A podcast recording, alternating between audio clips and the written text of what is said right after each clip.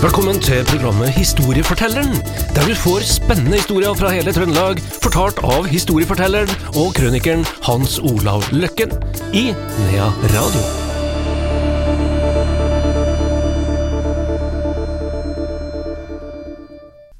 Velkommen tilbake til Historiefortelleren her i Nea Radio. Velkommen til deg, Hans Olav Løkken. Jo, takk, du. Vi eh, skal fortsette våre historier, og nå er det ei historie du har eh, jobba ganske mye med.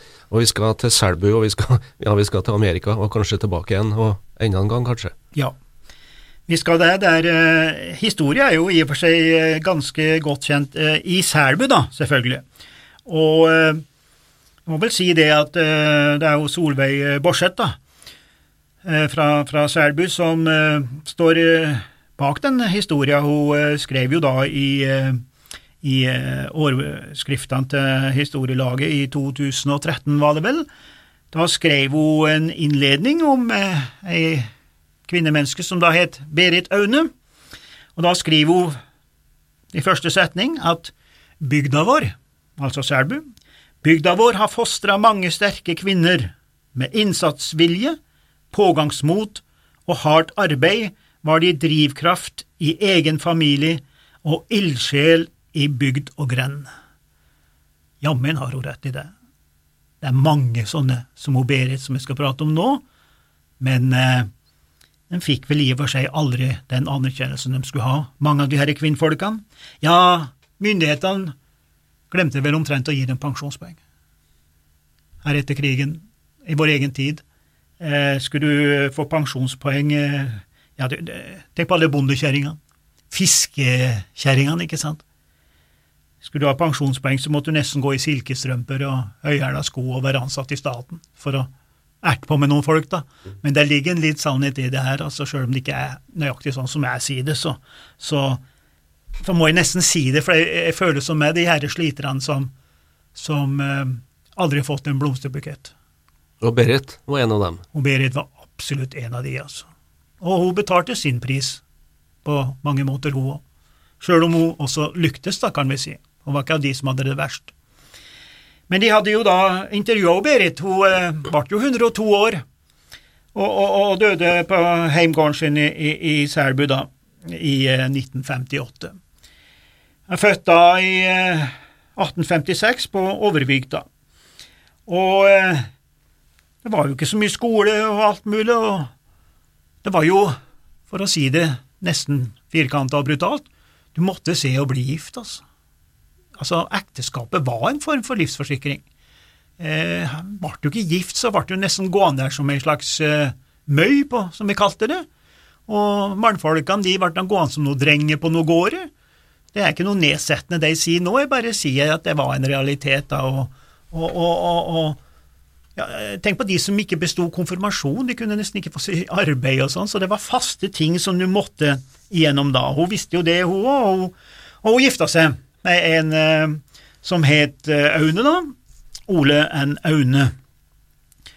Og eh, hun fortalte jo da selvfølgelig om oppveksten sin. Eh, måtte til noen av storgårdene rundt Trondheim. Jobba der som tenåring. Gikk att og fram. Eh, mora hennes hadde også noe jobb der.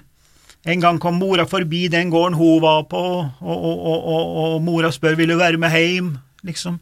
Og hun sa og, dette her legger hun så godt ut sjøl, Berit, i det intervjuet, og så sier hun at å, jeg hadde så lyst til å bli med hjem, og hun lengta så hjem. Hun mistrivdes jo så, vet du, der, som lita tenåringsjente der, eller lita jente, da. Så, men hun kunne ikke si det til mor si. Så hun ble ikke med mor si hjem da, og når mora forsvant ut svingen, så lå hun bare i gresset og gråt og gråt og gråt. Men hun Berit, hun, de gifta seg. Eh, Feira et eh, bryllup. Det var jo eh, både tre og fire dagers bryllup. Det begynte jo med rumgraut, som jeg sier på dialekt, hun sier vel rømmegrøt, da. Og eh, den ble jo da servert i store, store embere og alt mulig, og du fikk utlevert ei skje, og alle åt fra samme, samme bolle, i og for seg. Sånn var det. og og det var kjøttsupe før hovedretten, og det var kjøttsupe etter hovedretten, og, og hovedretten var kjøtt. Og det måtte de ha med sjøl i bryllupet. Det hadde med, og, og så var det de her uttrykkene med beining og sending og alt det der du hadde med de der ulike boksene og emberene og sånn, da, vet du. Ganske standardiserte brylluper og sånn, som gikk over flere dager, og, og det gikk vel eh, også litt hardt for seg av og til, da. Men uh, hun ble nå gift, da, og uh, de hadde ikke så mye valg, så de valgte å dra til Amerika. De hadde da fått en uh, sønn, og de drar til Amerika Eh, kommer inn i Minneapolis, og eh, så var det å få seg noe å gjøre, da. Og eh, det var en slags Det var jo mange som kom fra både Selbu og hele Trøndelag, som havna da i Red Wing, og så kom, som da var inngangsporten etter de kom opp Mississippi, og så havna de inne i Minneapolis og der, og da skjønte hun Berit og som mann Ola at her kunne de lage til kanskje jeg skulle ikke si bed and breakfast, altså, men de kunne lage til, til, noe som gjorde at de som kom uh, til byen, fikk det lettere. Altså forskjellige andre selbygg som kom, da. Og Det gjorde de, så de bygde på en måte opp en slags ja, jeg kaller det mini-mini-mini-hotell, da, eller noe sånt, for altså, og drev business, da, på amerikansk vis. Hun var jo ikke akkurat så veldig fornøyd med, med, skal vi si, lærdommen og, og skolesystemet og alt sånt der borte, da. Hun var ganske kristen, hun Berit, og eh, hun eh, syntes det var for gærent at de ikke hadde søndagsskole og, og, og alt det her som fulgte med kristendommen, da. Så eh, hun tok initiativ til det, og eh, det gikk så langt at hun klarte også å få reise ei stor kirke som fortsatt står i Minneapolis, Getsemane, eh, Getsemane Luther Church, heter det vel, eh, den kirka. da. Den, eh, jeg har jo vært i kontakt med han eh, presten der nå. da. Jeg har sendt mail til han og fått hyggelig mail tilbake, og vi fikk lov til å nevne kirka og alt, og da skulle vi selvfølgelig ha historie, så, så der har jeg en ny mann som jeg må drive og brevveksle med en stund framover. Men de er veldig åpne, og de synes det er veldig takknemlige for at jeg vil skrive om den kirka der borte. Og sånn da. Og hun hun gjorde det bra, og Berit hun var en, en sånn menneske som fikk ting til å skje. Og de klarte seg sikkert bra. Det måtte de ha gjort, fordi at de eh, fant plutselig ut at de skulle ta en ferietur hjem til Norge. Det var ikke alle som gjorde. Men de har vel lagt seg opp litt penger, da, og de kom hjem. Og når de kom hjem hit til Selbu, så fikk altså mannen av Ole fikk et tilbud om å kjøpe gården. Og det sa han ja til, men det ville ikke hun Berit.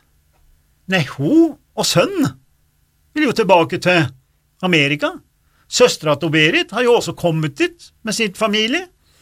Og Berit hadde lyst tilbake, hun hadde jo alt sitt borti Amerika.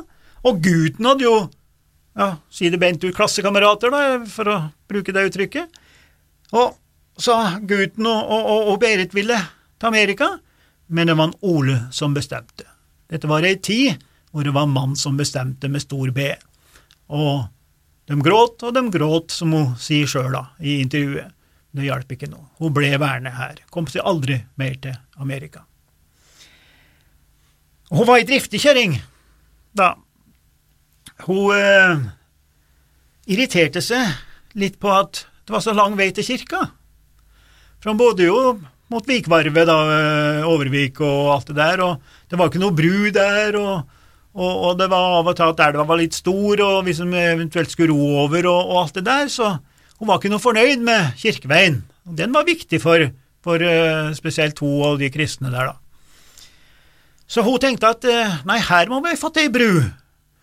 Så da gikk hun da rundt uh, i, i, i grenda, da, i bygda, og og spurte kjerringene om de kunne være så snille å være med og, og, og, strikke og lage til noe, litt utlodning og samle inn penger, så vi får oss ei bru og kort vei til kirka. Men uh, hun uh, fikk visst nei der, og da har hun vel uttrykt seg litt sånn litt sånn uh, Jeg vil ikke si ertende, men hun ble vel litt sur, tenker jeg, Berit, for hun sa at nei, dere kvinnfolkene de, strikka bare for høyningene i Afrika, noe sånt hadde hun sagt, vet du, det, det, var vel sagt med litt på spissen, da, men hun ble vel litt sur for at de ikke ville være med oss og få ei bru, da. Og Hun satte seg ned, men hun satt bare 14 dager, og så fant hun ut nei, jeg får gå en tur til. Så gikk hun en tur til på de samme gårdene, og da snakka hun med mannfolkene. Og Det sier hun sjøl i intervjuet. Nå snakka jeg med mannfolkene, og da ble det bru. For dem mente at det var fornuftig at nå fikk vi ei bru, så de ga ordre om at nå skal det være bru. Og da begynte alle sammen å strikke og strikke. Og til og med Amerika strikka man. Og de strikka og strikka og solgte og basar og alt det der som kvinnfolk er så flinke til, og Berit spesielt, da. Og til slutt så hadde hun en del penger som hun bare tok i en pose, posa som vi sier, og hun tok possene med seg og gikk til ordføreren og klaska ned i bordet for ordføreren og sa her er det penger, og er det ikke nok, så får jaggu kommunen legge. Og det skjedde. De bestemte at det skulle bygges ei bro da, som sto ferdig da i 1903. Og i år 2004 så tar eh, noen eh, ildsjeler her i Selbu og bestemmer at her må det opp ei minnetavle, en form for bauta, over ho Berit som eh, da klarte å skaffe ei bru til Selbu.